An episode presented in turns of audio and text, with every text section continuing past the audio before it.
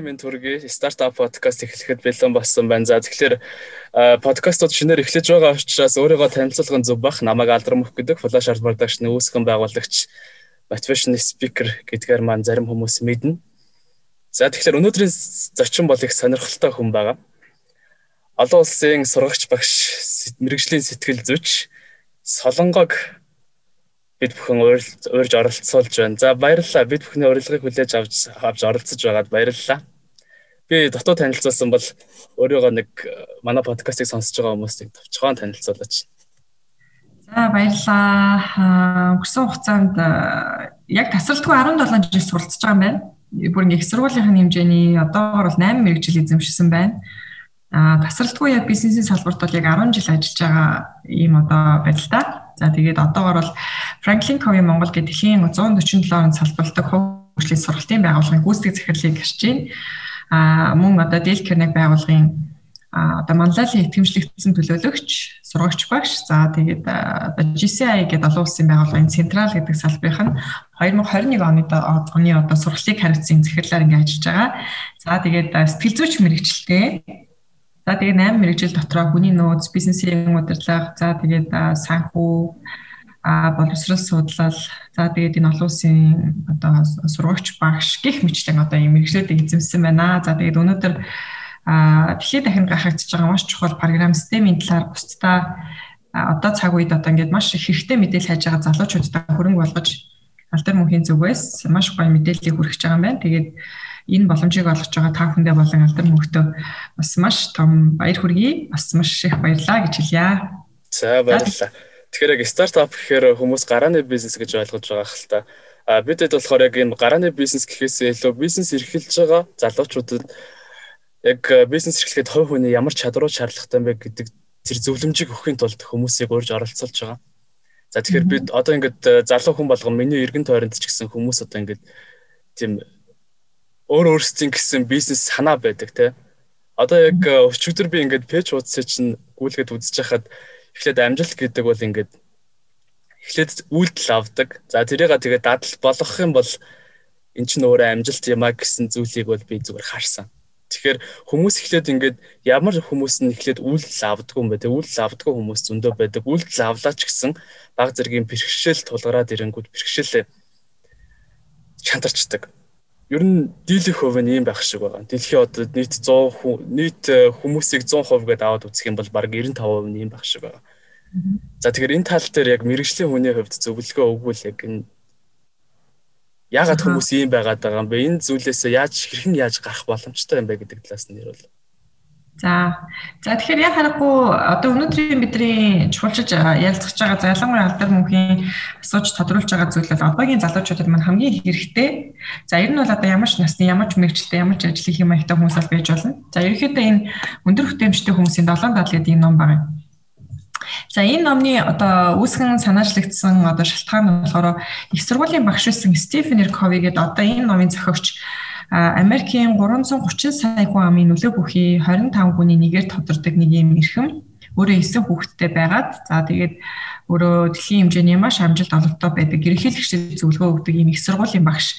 А одоо гэр бүлийн эксперт за тэгээд одоо ийм сэтгэл зүйч юм эрхэм байсан. 80 нас хүрсэн 2012 онд өөд болсон. Гэхдээ энэ хүний одоо судалгаа шинжилгээ буюу өнгөрсөн цаг хугацаанд 200-аад жилийн түүхэндээ яг амжилттай байж чадаад байсан хүмүүсийн амьдралын хэмжээг маш нарийн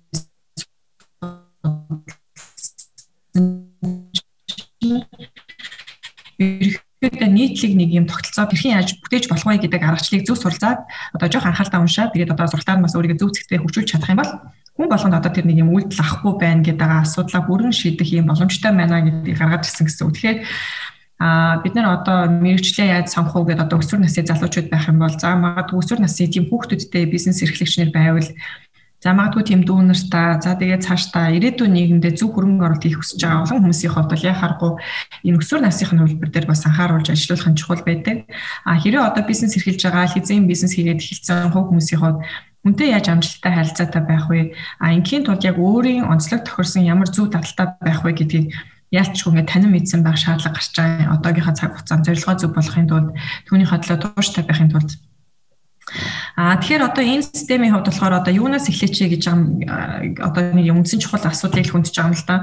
Төлөвшөлтийн тойрог буюу одоо энэ хараад байдаг зүйлийнхаа одоо асуудлыг гаргаж ирээрэй л гэж байгаа. Тэгэхээр тэр үйлдэл авахгүй байгаа хүмүүсийн хувьд болохоор надад яг яг ямар асуудал байна гэдэг хүлэмжшэрээгүй байна гэсэн үг. Ерөнхийдөө бараг болж байгаа юм болоораа за ингэ ерөнхийдөө тайвшир тайвширлын байдалтай гэсэн үг.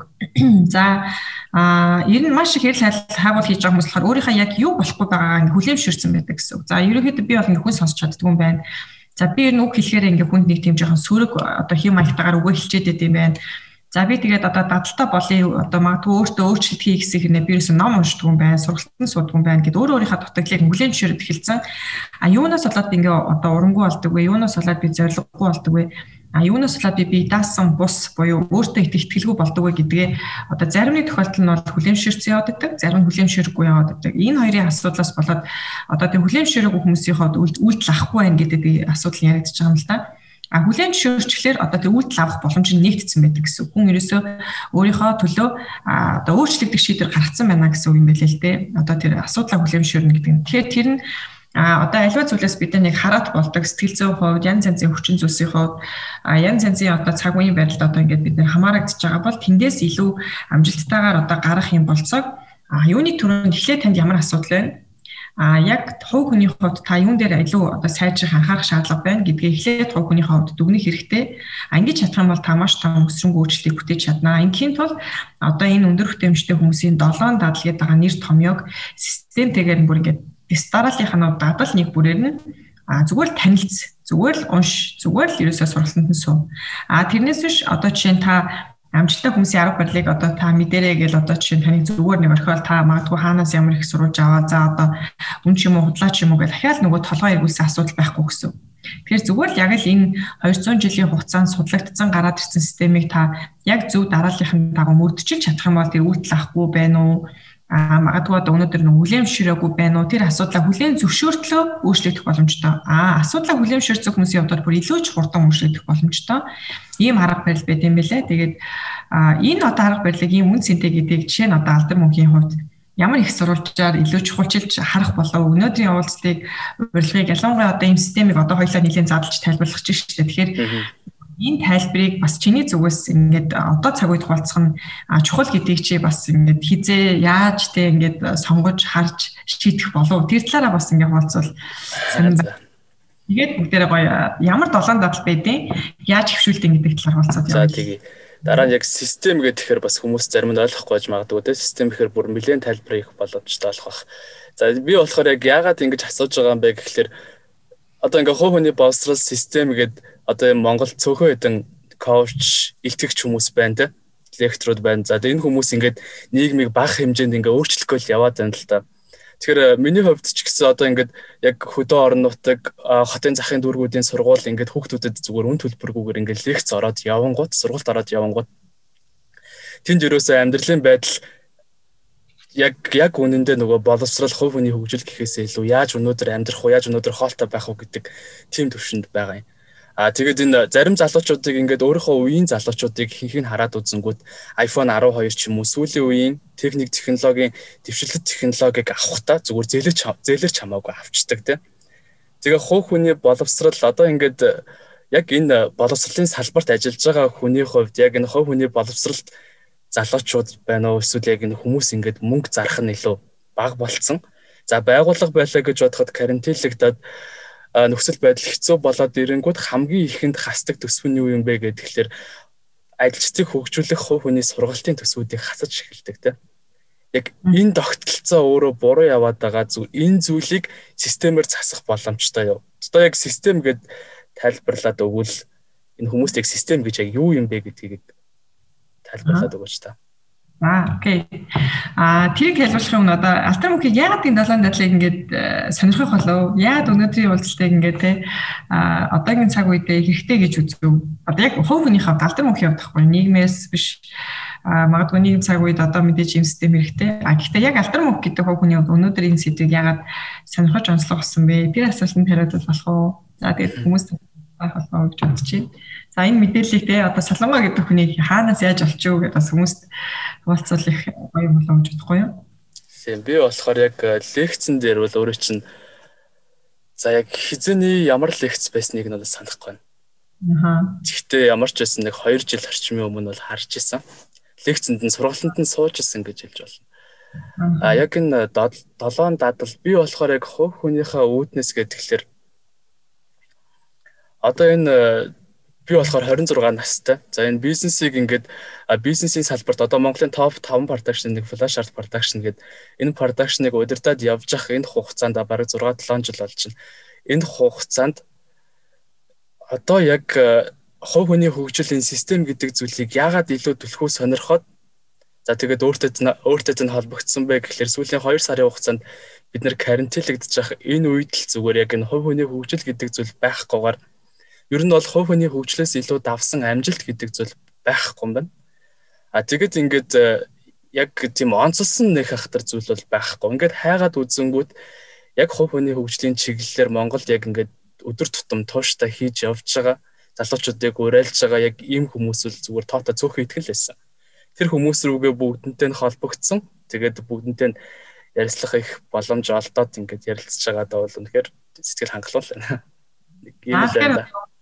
Анд анзаараад тэгээд бас ямар ч хэсэг ингээд ноён тэнд ингээд лекцээр явж байгаа арга хэмжээнд дээр ямар ч хэсэг сэдвэг бол олонд одоо нэлээд юм өргөн хэмжээнд хүртэл болох нь чухал юм байна гэдэг шийдвэрийг аль хэзээ харцсан гаргацсан. Тэгээд одоо цаг үеийн цаг үе нь бол яг одоо болсон гэдэг утгаар эргэх холбоо хийж байгаа юм байна, холбогдож байгаа юм байна. За тэгээд тэр утгаараа энэ системийг бусдад түгэх ажлыг хүртэл ингээд таны зүгээс гой санаачиж байгаа нь бусдад оруулж байгаа маш том хөрөнгө оруулалт Тэгэхээр энийг сонсож байгаа энэ мэдээллийг авч байгаа бүх хүмүүсийн өмнөөс бас маш том талархал одоо болцох зүйтэй байх. За тэгээд системийн хадлаар болцсон юм. За энэ систем болохоор proactive буюу дадал нэг итвэх санаачлахтай бай буюу одоо бидний сүүлийн үед ярьж байгаа стресс менежментийн талаар хамгийн түрүүнд бид бүхэн эзэмшиж сурсан байх хэрэгтэй байна. А энэ өндөр хүтэмжтэй хүмүүсийн долоон дадал дотор болохоор юу байдаг вэ гэхээр а итвэхтэй байхын тулд буюу одоо стрессээ удирдахын тулд юу бодох вэ гэдгийг заасан. Аа тэгээ бүр яг энэ үед ямар зарчим өрдөх вэ? Бүр хідэн зарчим өрдөх вэ гэдгийг заасан. Аа тэгэнгүүтээ бүр хідэн үйлдэл хийх вэ? Тэр үйлдэлийг бүр яаж хийх вэ гэдгийг заасан. Одоо өөр хаач ямар сургалтанд зүгээр гоё гой зарчим зүгээр гоё санаа эерэг бай, өөдрөг бай. Танаа супер шүү гэл ингэдэг. Ихтэл нөгөө л асуултаа явж байгаа хүмүүсийг ахаал асуултаа л үлдээдэг л дээ. Хаалганы цаашаа гарахтаа хэвээр гоё ялаа гэж гардаг. Тэгэл яг ямар сургалттай миний нэстэ юу мэдчих аав гэх юм бол тэгэл зүгээрээ тэгэл гоё сургалт байлаа штэ гэл ингээл өнгөрөх чиний байдаг. А яг тэр сургалтнаас сэтгэл санаагаа удирдахын хүн чинь ингэж төсөөлт юм байна. Хүнд ийм ухамсар байд юм байна. Хүн ерөөсөө альва зүйлийг ерөөсөө байж болох хамгийн эерэг одоо боломжит харах өнцгөр хүртэл харж сурах юм боломж сонголт хүн болгонд байд юм байна.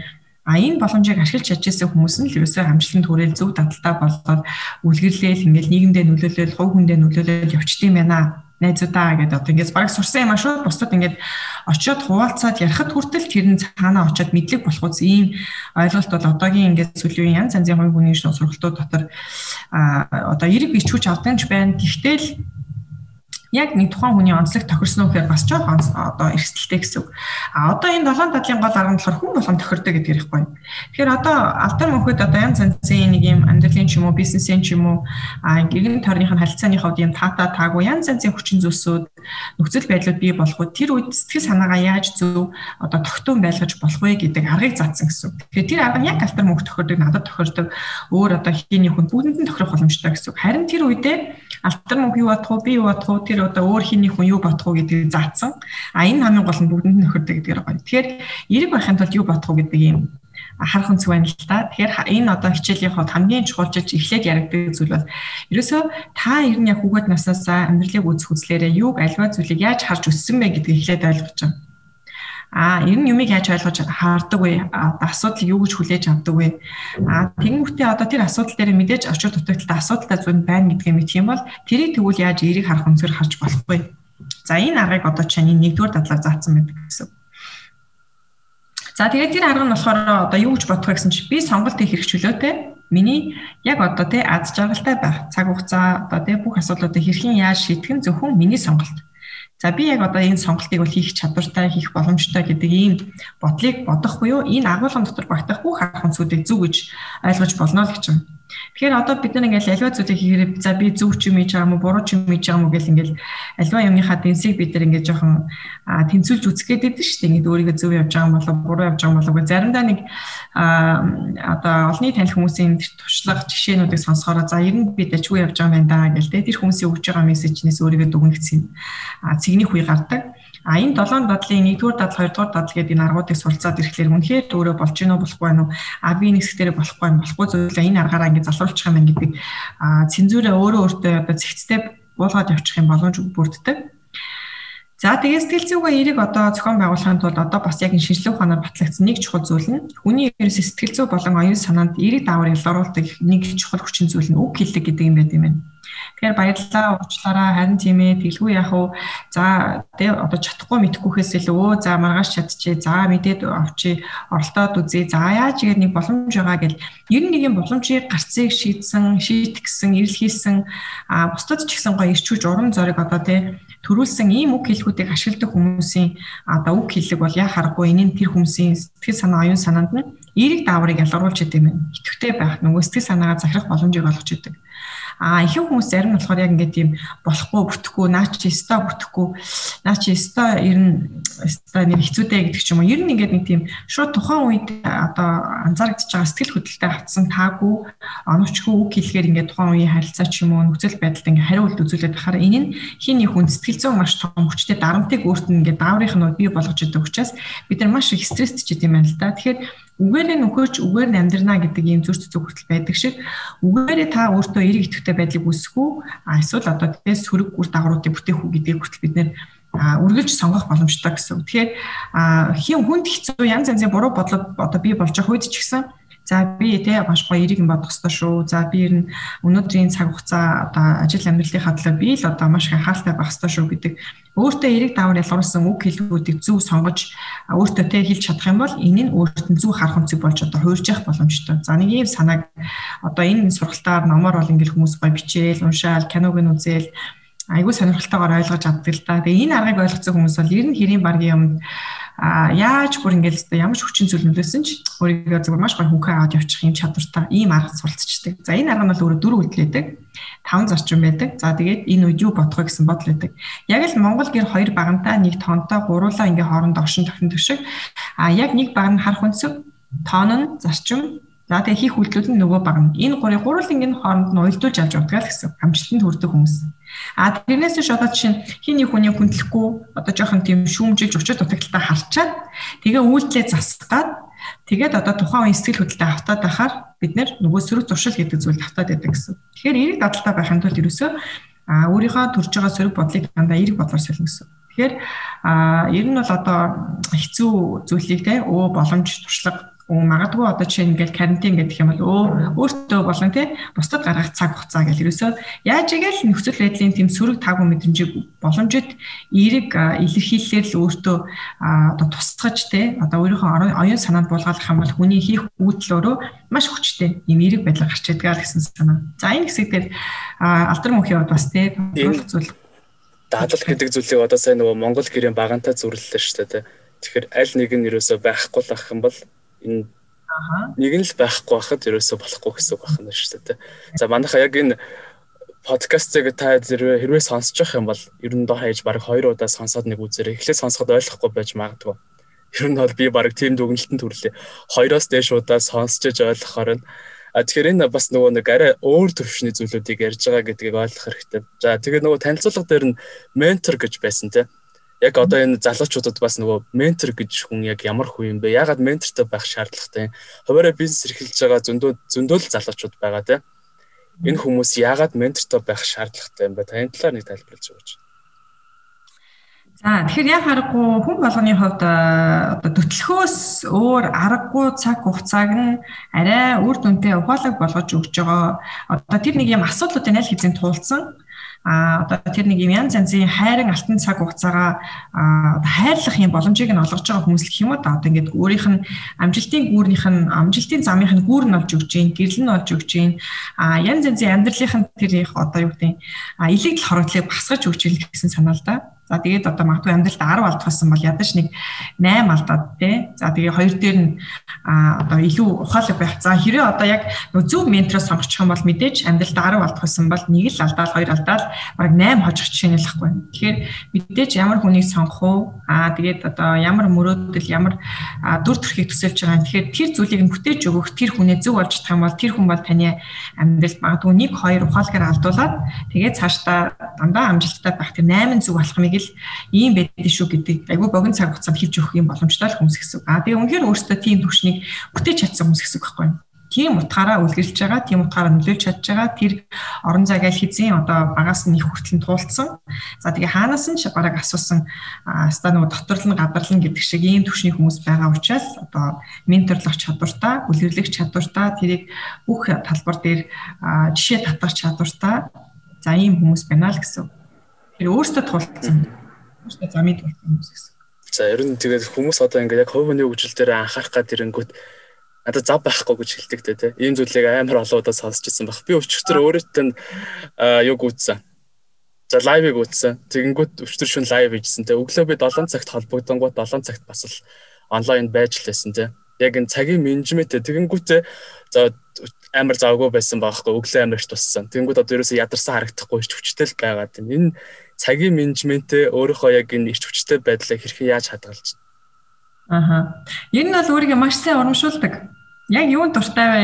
Юунд бүр ингэж аа the calf of the way гэдгийг бол сайн мэддэг болсон. За өмнө нь мэддэггүй байсан. А гэхдээ мэдээж олон сургуулиуд төгсөөл ингээд дүүргээл өөрийгөө олох гол, тэ өөрийгөө тодорхойлох гол А ер нь одоо ингээд олон залуучуудад яг өөрийгөө олоход нь өөрийгөө тодорхойлоход нь туслахын тулд би өөрийгөө бас маш сайн а одоо тий тасгалжуулж ингэж ирсэн учраас одоо энэ цаг хугацааныхаа одоо аяллаас би юунаас урам зориг авч болох вэ? Юунаас байн өөрөө ич хүчтэй байж болох вэ гэдэг аргыг олж ирсэн гэсэн. А одоо та нарт бол заавал 17 жил сураад заавал ингээл 10 жил ажиллаад ингээл заавал 8 сургууль төгсчээж энэ аргыг олох шаардлага гарах одоо байх болсон гэсэн. Одоо ерөөсөө зүгээр шууд энэ номыг аваад тэгээд энэ сургалтанд нь жоохон сонирхол суугаад ерөөсөө ер нь бол нэг 2 сарын дотор та нар шууд өө окей би ийм юмнаас урамжтай юм байна. Би ийм юмнаас ирч хүч авдаг юм байна. А би ийм юм дээр хямартай юм байна. Энэ үедээ би ерөөсөө өөрийгөө ингэж идэвхжүүлэх юм байна гэдэг бүх арга олцглоорэ хүн ерөөсөө дараагийн тэр амжилт, хандлага, харилцаа, багаар ажиллах тэр дараа дараагийн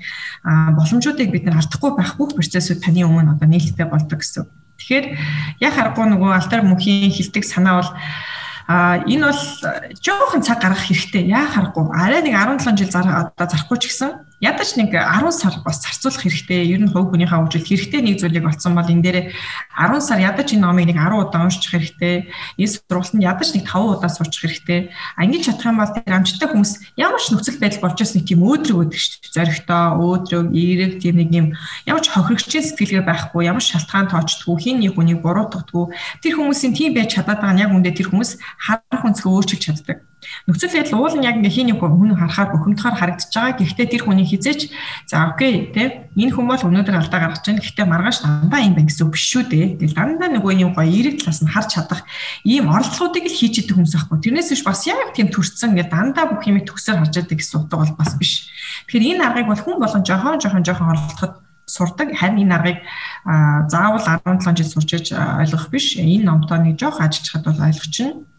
Аа за тэгээд мэдээж энэ одоо яриагч гэсэн та нар маань жоох анхааралтай сонсоод бичиж авч байгаад бүр ингээд зураад бүр ингээд юу гэдэг яг нэг газрын зураг тэмдэглэж авч байгаа юм шиг бичиж тахын бол бас нэлээд их юм авандаа тэгээд яа харахгүй бүх юмны суурь бол тэр харах өнцөг зарчим үдэл. За энэ гурыг бол үнэхээр өмнө нь бол бид нар ингээл за дадалтай болох гэж ингээл тэгжээс нэг за таны үнэт зүйл юу вэ гэх тэгэхээр за би нэг юм зарчимтай гэл ингээл нэг салгаж ойлгож энэ тэндээс нь ярьж өглөөж авах гэдэг шиг байсан. За одоо арай нэг гайваа болж байгаа байх. Гэхдээ л Монгол гэрээ бид нар барихын тулд тэ ингээд модын нэг газар авч тавьчаал, өн тооны нэг газар авч тавьчаал тэ гэрээ барих гэдэг дэггүй шиг а хувь хүний хөгжил ч гэсэн өөрөө байшин барилга ч гэсэн яг өөрийн гэсэн системтэй суур одоо ийм фундаментаа тэгэхээр таны суур фундам бол яхааргүй эхлээд харах үнцэг гэдэг зүйлийг ойлгох, харах үнцэг яаж өөрчлөгдөд сольж болоод идэв, яаж нүдний шилээ солиод идэв гэдэг аргыг ойлгох.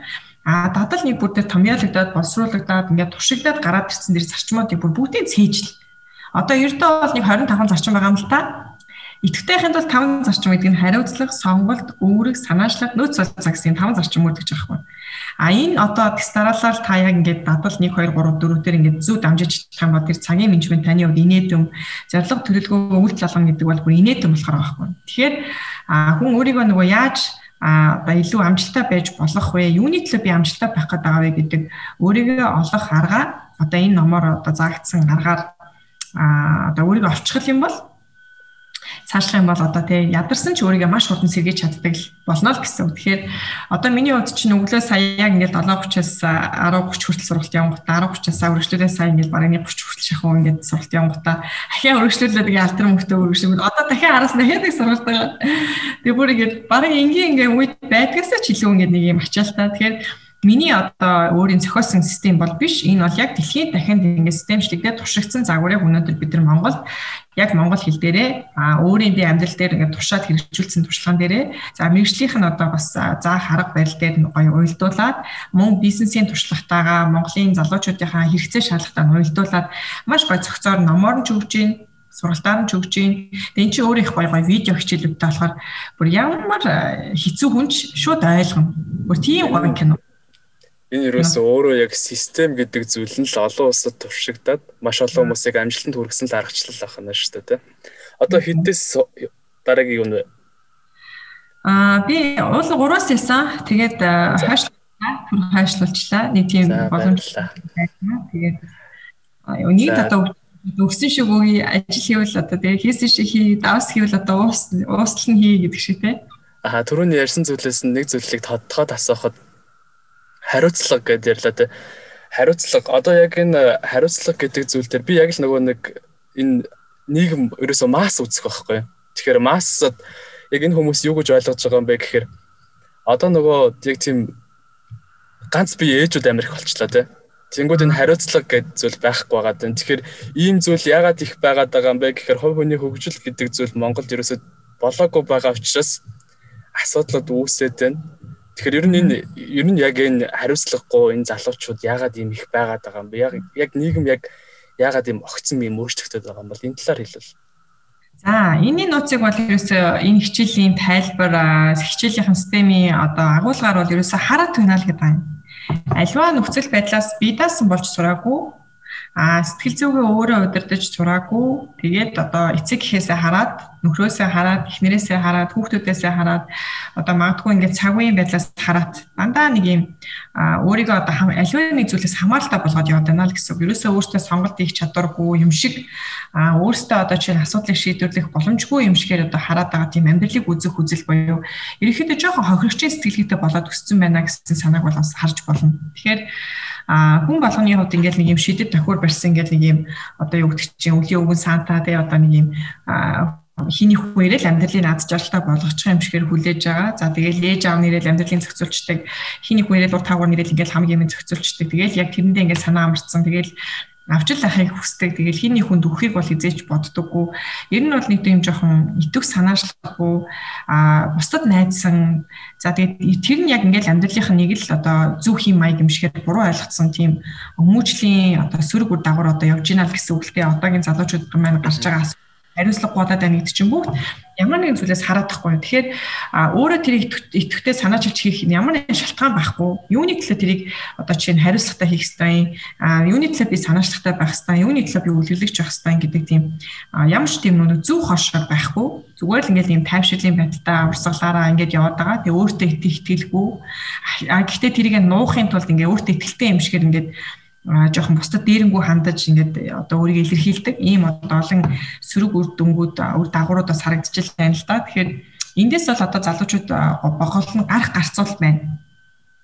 А энэ нөгөө одоо бие даасан байдалд хүрэх буюу өөртөө хүн болгон ихтэй байхыг хүсэж байгаа. Хүн болгол хувийн зохион байгуулалтаа байхыг хүсэж байгаа. Хүн болгол зөв сайн сайхан хүн байхыг хүсэж л байгаа. Тэгсэн хэрнээ яаж гэдэг аргаа мэдгүй байхгүй. Уул нь бол хүн болгон өөрсдөө хүсэж байгаа аа тэгж хариуцлага алдаад бай би ингээл хүнд муу үзэгдээд бай гэж хүсдэг хүн бол байхгүй. Харин яаж илүү хүнд одоо хүлээмжшөрөгдөхөөс илүү сайн амжилттай хүн байх вэ гэж бодож байгаа. Гол нь энэ арга нь одоо бидний эргэн тойронд маш их мэдээлэл байгаа, маш их ном байгаа хэрнээ нөгөө л нэг төр аргацаасан. Зүгээр одоо нэг юм зэрлэг үнсээр ярих юм бол нэг ганц нэг үнсийг аваад бусад ингээд доогуур нь байгаа үнсүүдийг авч чадахгүй одоо.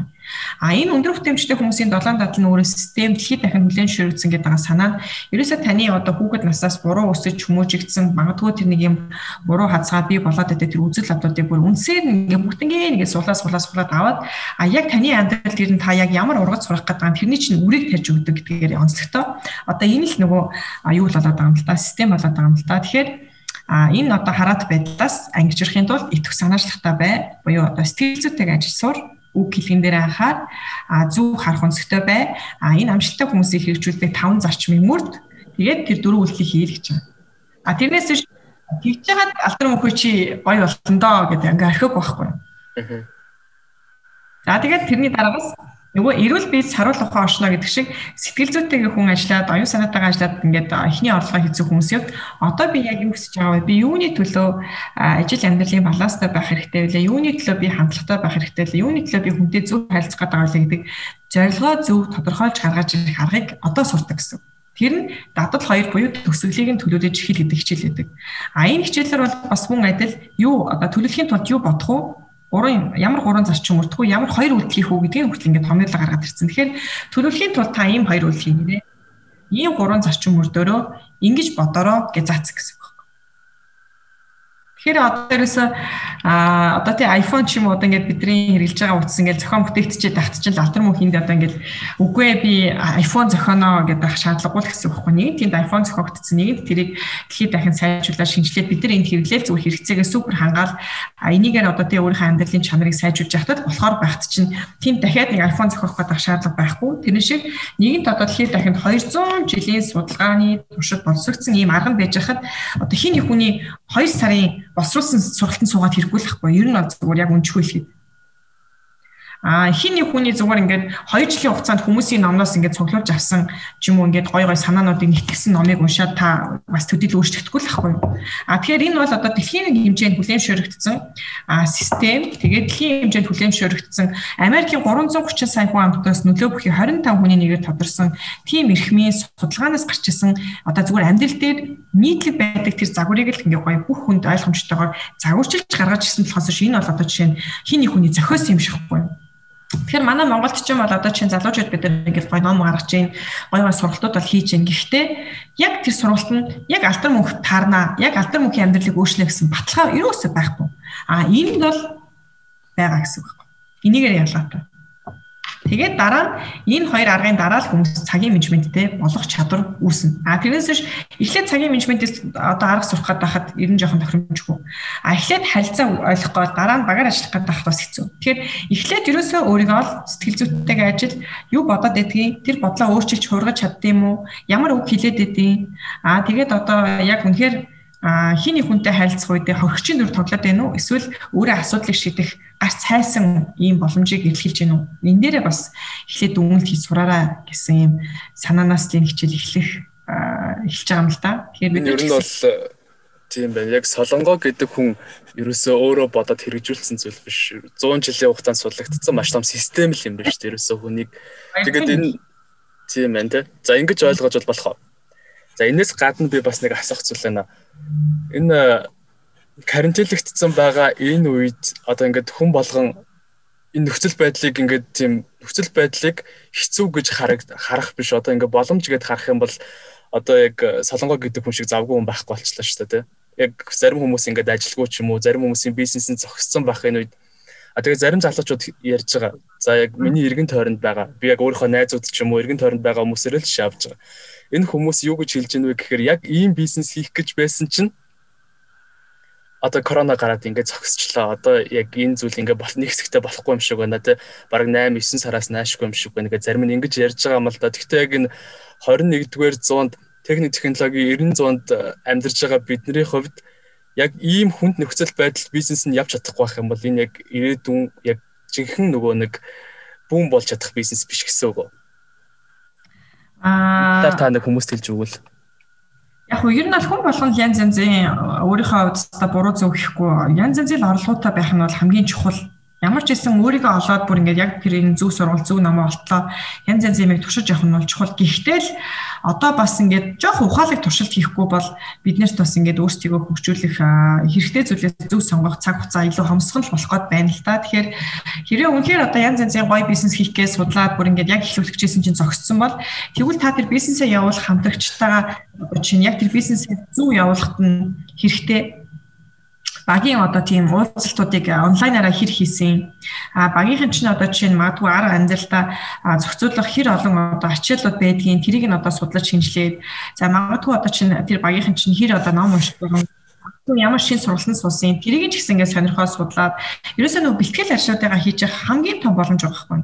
Ер нь бол аливаа шинэ бизнесийг эхлүүлсэн ч гэсэн бидний тэр бэлтгэл хангалт гэдэг бол хамгийн чухал гэдэг. Харин хүмүүс эхлүүлчихэд бэлтгэлээ хангана гэж бас бодоод байдаг. Ерхэд их залуучууд бас тэгж хандуурхаад байдаг. Тэгэхээр ер нь бол эхлүүлэх нь зөв А гэхдээ бэлтгэл хангалт бол хамгийн чухал. Харин ч бүр бэлтгэлээ хангах боломж, өө багийнхантайгаа илүү ойлголцох боломж, өө багийнхантайгаа бүр бидний энэ бизнесээ явуулахдаа илүү юун дээр анхаарах уу гэдгээ туршлагатай хүмүүсийг олоод тэр хүмүүсээр магадгүй яриа хэлгүүлээд тэгээ тэр хүмүүсээс илүү их суралцах боломж. Өө ар гэрийнхээ асуудлуудыг хурдан шийдэх боломж.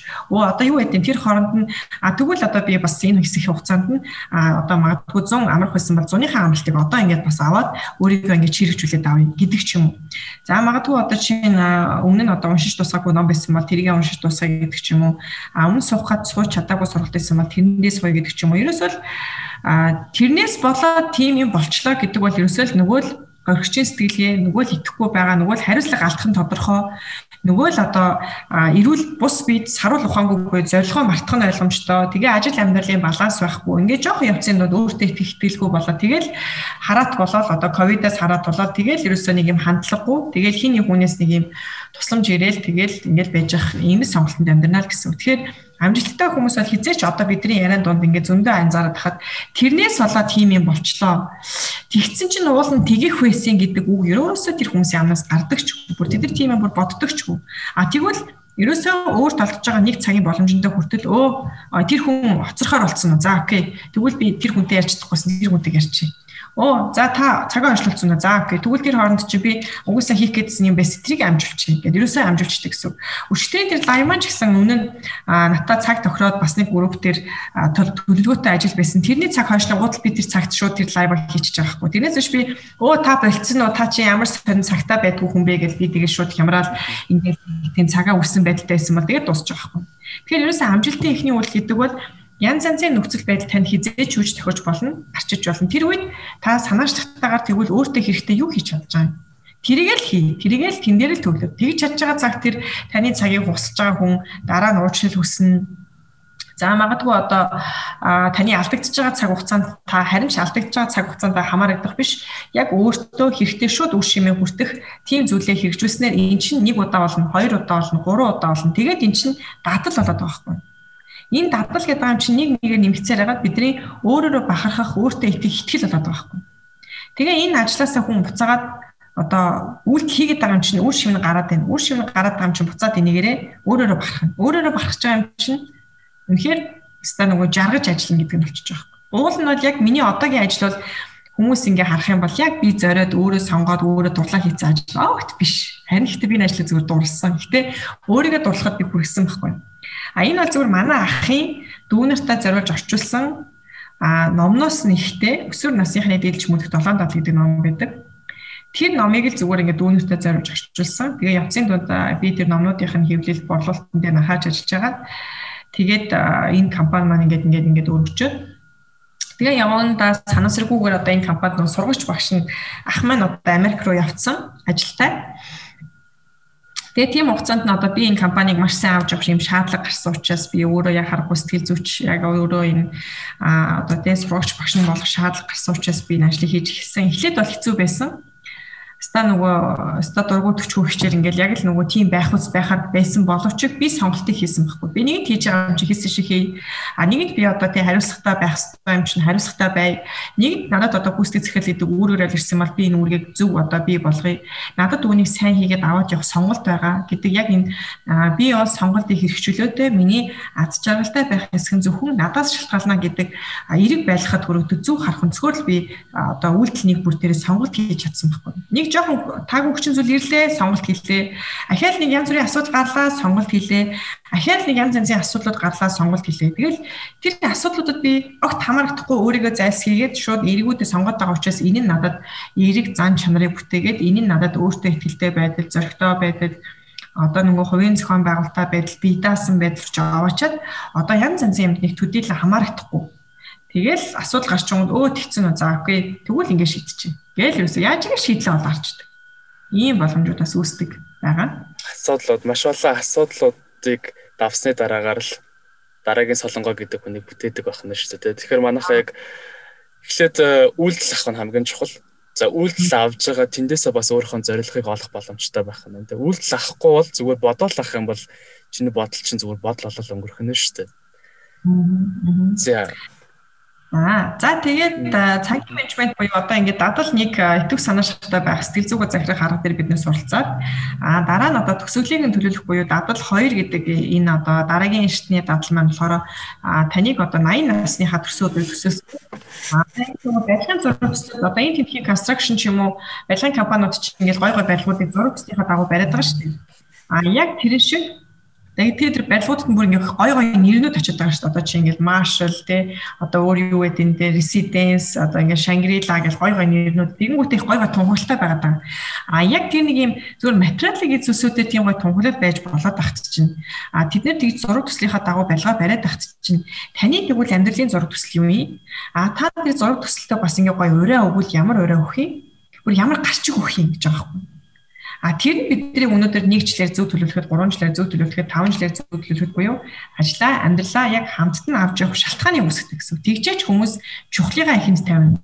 Ирэмблэн, төвлөрн тэгээд одоо тэр өөрийнхөө амьдралыг өөрөө удирдна гэдэг боломжууд бүрддэг гэсэн. Тэрнээс ш одоо хин их өнөөдөр цагийн менежмент чухал гинэ али цагийн менежментийн сургалт байна уу гэж гүйж очиж суугаад өө энэ харилцааны сургалт гэж чтэй гүйж очиж суугаад ахын жоохон тохиромжгүй. Тэгэхээр ер нь бид нар байшин барилгыг ч гэсэн ингээл өө энэ тоосохоор одоо энэ талаас нь бэрчи.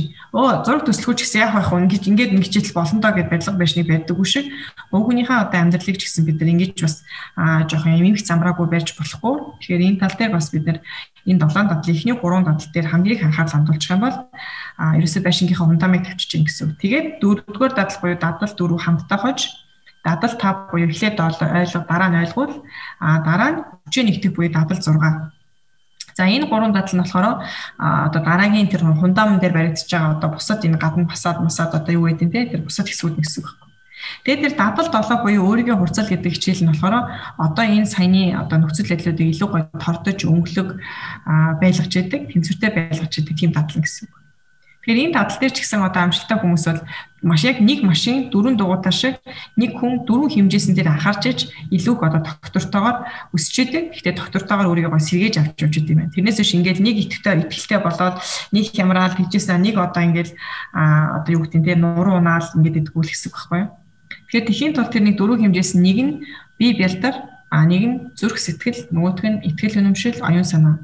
Тэд өдөр болгон багаан ч гэсэн суралцдаг. Тэд өдөр болгон өөрийнхөө өөртөө итгэлтэй байдлаа нэмэгдүүлж яадаг. А бусдын сайн сайхны төлөө цаг гаргадаг.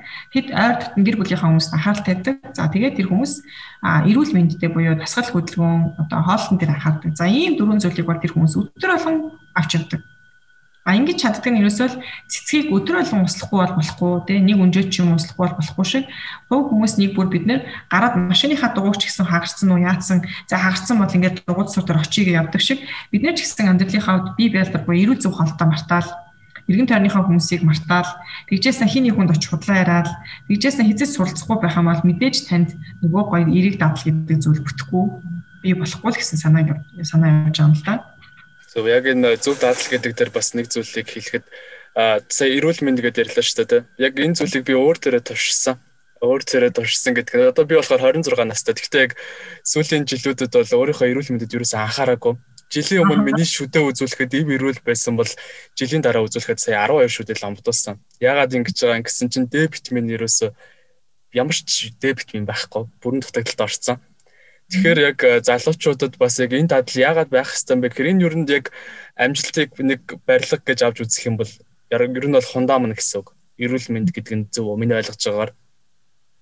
Ер нь бол эрүүл мэнд за. Аа зөв зөв зөв. Ер нь бол яг тэгж ойлгож болно. Аа одоо ер нь бол одоо яг тэр нэгдүгээр тадлаас эхлээл одоо тэр эрүүл мэндийн чухал юм байна гэдэг чинь ойлгуулалт эхэлчихдэг гэсэн үг байхгүй юу. Угаас Харин өдөр болгон тэгвэл яг алтар мөн хэрүүл мэндээ зөв одоо яг өөр тогтсон аргаар сэргээж тордож доктортой авч явахын тулд яг өнөөдөр би одоо чинь эрүүл мэндээр юу хийх юм гэдгийг чинь даатал долоо дээр заадаг байхгүй. Бүр ингэ бүфэ шиг.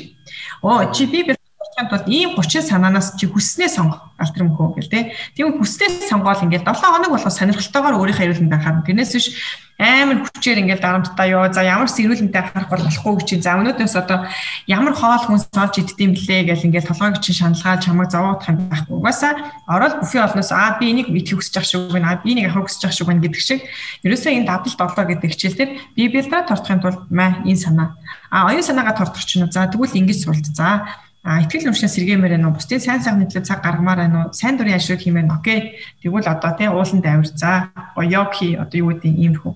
За тэгэнгүүтээ зүрх сэтгэл за чи ойр нэг гэрийнхэнтэйгээрээс холбогдоогүй. За мэндийн мэдээрээ анхаарал тавиараа мессеж ч гэсэн бичээр уцаар ч гэсэн яриараа гэдэг ингээд бүр цаанаас нь юу юу хийх үйлдэлүүд чинь хилээд өгсөн харин бид нар хүснээр ингээд сонгоод амьдралдаа хэрэгжүүлдэг гэсэн үг. Ер нь бол ингээд 7 хоног болго ингээд уйтгартай биш те. Гой сонирхолтой явах боломж байна л гэсэн үг л те. За яг миний хувьд бол яг одоо сонсож байгаа хүмүүсийг бол яг ямар мэдрэмж авч байгааг мэдэхгүй байна. Миний хувьд бол ямар ч лээс энэ номыг аваад унших нь хамгийн зөв байна. Зөв юм байна л гэсэн дүгнэлтэнд хүрж байна. Аа тэгээд за ингээд цагаа хараад байгааг нь анзаарсан л та. Одоо тэгэхээр аа өмтэй цагаа зориулж одоо бидэрт ингээд мэдээлэл өмтэй мэдээлэл өгж байгаад баярлалаа. Өөрийнхөө сүүлийн 5 жилийн харж байгаа алсын хараагаа бидэрт хаваалцаж. Тэгээд өнөөдрийн подкаст өндөрлөө. Баярлаа. За би яг одоо ингээд дэлхийн дахинд бид нэр ингээд одоо зэрэгцэж хөгжих юм шаардлага гарч байгаа учраас а яг одоо 2022 онд гэсэн юм зорилго тавьсан байсан. Тэр маань одоо энэ 5 жилийн хугацаанд бол илүү бодтой болсон байна гэж харж байна. А англи хэл дээр, япон хэл дээр одоо энэ долоон дадлыг зааж чаддаг. Дэлхийн аль ч улс оронд очиод одоо энэ долоон дадлыг би тайлбарладаг, түгээн дэлгэрүүлэхэд хувь нэмрээ оруулж чаддаг. Ер нь бол яг олон улс гэдэг утгаараа зөвхөн Монголдо л хичээл заагаад байх биш бүр ингээд дэлхийн дахинд явж ингэж энэ лекц хэрэгцээ а одоо маш олон одоо хүмүүсийг зөв амьдрахад хүргэдэг. Заавал тэр нь Монгол юм байна уу? Одоо айл нэг улс орных байна уу хамаагүй. Ерөөсөл надад харсан хүний бүртэл амжилтанд хүрэхин тулд ийм аргаар аргаар ингэж явдаг юм биш үү гэдэг би ямар ч хэсэг ихний ээлжинд монгол хэл дээрээ дараа нь япон хэл дээр дараа нь англи хэл дээр ингэ заадаг болёо гэсэн ийм гоё одоо алсын хараа ойрын хугацааны зорилго бол байна. За тэгээ Монголтоо бол энэ жилийн би 500 мянган хүнд яг энэ долоон дадлаар дамжуулаад өөрийнхөө зорилгыг зөв тодорхойлох аргыг би зааж өгнө гэсэн зорилго тавьсан байгаа. Тэгэхээр тэр хүмүүсийн маань хувьд хэрвээ та одоо амьдралаа зорилгоо зөв тодорхойлох аргыг сурчих юм бол тэр хүмүүс ямар их цаг хугацааг хэмнэх бол бусдад одоо ямар том үлгэрлийг үүсгэх бол энийг нийгэмдэр оруулж байгаа ямар том хөрөнгө оруулалт болох бол гэдэг талаар ингээд төсөөлөх хөдөл маш гоё байгаа. Тэгэхээр Одоо онлайнаар ингээд бодохоор чинь 500 мянга бол зүгээр дорой байгаа хгүй. А яг биетээр ингээд өө бид нар танхимаар хийсэн бол бас нэлээд хэцүүд нь А ер нь бол нэг мянган одоо харилцагчтай болно гэсэн тийм би зорилго тавьсан байсан. Одоо яг зөвхөн энэ 2021 оны маань зорилго шүү дээ. Тэгэхээр тэр мянган харилцагчтай би бүр ингээд гэрээ контракт хийсэн, гар барьсан. За тэгээд тэр мянган харилцагч дотор ер нь бол тэр 500 мянган хүн маань өөрөө багтцсан. Одоо энэ 7 дол гэдэг ерөөсө бүгд ингээд алтар мөхөө харах үнцэг гэдэг л аа за гэж ингээд ойлгодог. За нөгөө pride бай гэдэг л аа за тийштэй гэж ингээд ойлгодог. Зарчмын гэдэг аа хариуцлага сонголт үүрэг санаачлал нөөцөлцөө гэж бүр ингээд ингээд мэддэг бүр ингэ яг энэ нэг юм манлайлалын хэлээр ингээ хоорондоо ойлголцдог. Ямар ч тийм би нэг юм яриад хахад алтар мөхнийг өөрөөр ингээ ойлгоод байхгүйгээр яг нэг юм нэгдсэн нэг юм гоо ойлголцтой болчих юм бол бид нэр одоо бүр үнэхээр одоо тий энэ залуу насыг нэлээ амжилттай үр дүнтэй ашиглана гэж би харж байгаа. Тэгээд а ингийн тулд яг харахгүй нэг өглөөрт босох, амралтаа зохицуулах, тэгээд өөрөө бас гой сурч хөгжих. А ингэж чадсныхаа хэрээр гой одоо өөрийгөө урамшуулах гой гой олон янзын аргуудтай байх хэрэгтэй. Тэндээсээ гой ингээ кайф авдаг байх хэрэгтэй. Ер нь яг л нэг хүүхдүүдийг ч гэсэн ингээл ажил хөдөлмөр хийнгүүд хүмүүс ингээ шагнадаг шиг та нар бид нэр өөрсдийгөө бас гой шагнадаг байгаараа. Гэхдээ хэтрүүлж болохгүй а дутааж бас болохгүй. Тэгэхээр хүн бас өөрөө өөрийгөө ингээд гоё ажилдаа шагнаж байгаа юм шиг ингээд шагнах бас гоё яд шүү. Тэгээд а та нарын энэ долоон татлыг нэгэн гоё одоо онлайнаар бид нэр сурдаг болчлоо. Сургалтанд заашгүй суух хэрэгтэй. Номыг нь заашгүй авч унших хэрэгтэй. Тэгээд номыг а ер нь бол 7 хоногийн дотор уншчихдээ. Тэгээ би одоо энэ номтой бол нэлээд олон жил ажиллаж байгаа. Тэгээ одоо ч уншихад миний амьдралын одоо асуудал хэзээ ч дуусахгүй байхгүй юм Тэгэхээр тэр асуудлыг шийдэх ганцхан гарц зөвхөн энэ дотор байгаа болохоор би энэ номыг нэг удаа уншаад за за боллоо баярлаа баяртай гэх ямар ч ирэх байхгүй. Ягаад тэгэхээр асуудал гарч ирэх болгонд би дахиад сэтгэл зүйн ажиллах ажиллах шаардлага гардаг. А энэ сэтгэл зүйтэйгээ ажиллачаад би зорилгоо биелүүлчихэд дараа надад дахиад зорилго гарч ирдэг. Тэгэхээр энэ болгонтойгоо ажиллах юм шаардлага гардаг учраас энэ долоон падл гэдэг номны хэрэгийг бид нэр сайн гаргаж юм бол тэгээд өнөөдөр ямар ч байсан товчхон маш товчхны товчхон гэж болцсон учраас илүү ихийг та нар маань номноос нь сургалтаас нь дэлгэрүүлж судлах юм бол маш их зүйлийг аав. Тэг яаж их гой гой жишээтэй дотроо хэрэгжүүлэх зөвлөмжтөө тэгээд чинь ажил амьдралын балансаа одоо бүтээдэг их гой төлөвлөгөөний хуудастай яаж хийхин хүртэл ингээд заагаад өгсөн их гоё юм бэлээ. Тэгээд их гоё авцсны аппликейшн интертэй. Тэгээд тэр аппликейшн ингээд ингээ өдөрт ингээ тань даалгавар өгөн. Тэгээд тэрийгэ биелүүлчлээ гэж чеклэн бүр аюу гоё. Ер нь бол яг нэг юм өөрийн хувийн тасгалжуулагчтай нэг юм сэтгэл зүйчтэй болсон юм шиг л байдаг. А өөрийг чинь дагна гэх юм бол яг ямар хаягаар даах вэ? Тэр мэдээллийг хамгийн сүүлд Facebook байгаа. Бээжин гэд Монгол одоо кирилл үсгээрээ солонгоо гэд ингээ бичгээр гараад ирнэ. Instagram хаяг Аа би ч солонгоо гэдэг. Аа Seven Habits, Seven Habits Soccer гэдэг орохоор байгаа. Энэ ондоо өндөр бүтээмжтэйгаараа шин сараа гой төлөвлөөрөө тэгээ зорилгоо олоод зорилготой туштайгаараа гэж үсэе. Тэгээ бүгдний амжилт хүсье. Баярлалаа. Баярлалаа. Миний хувьд бол үнэхээр үнцэтэй цаг хугацаа байлаа. Тэгээ дараагийнхаа зочинтой хэрэгөө уулзцгаая. Баярлалаа.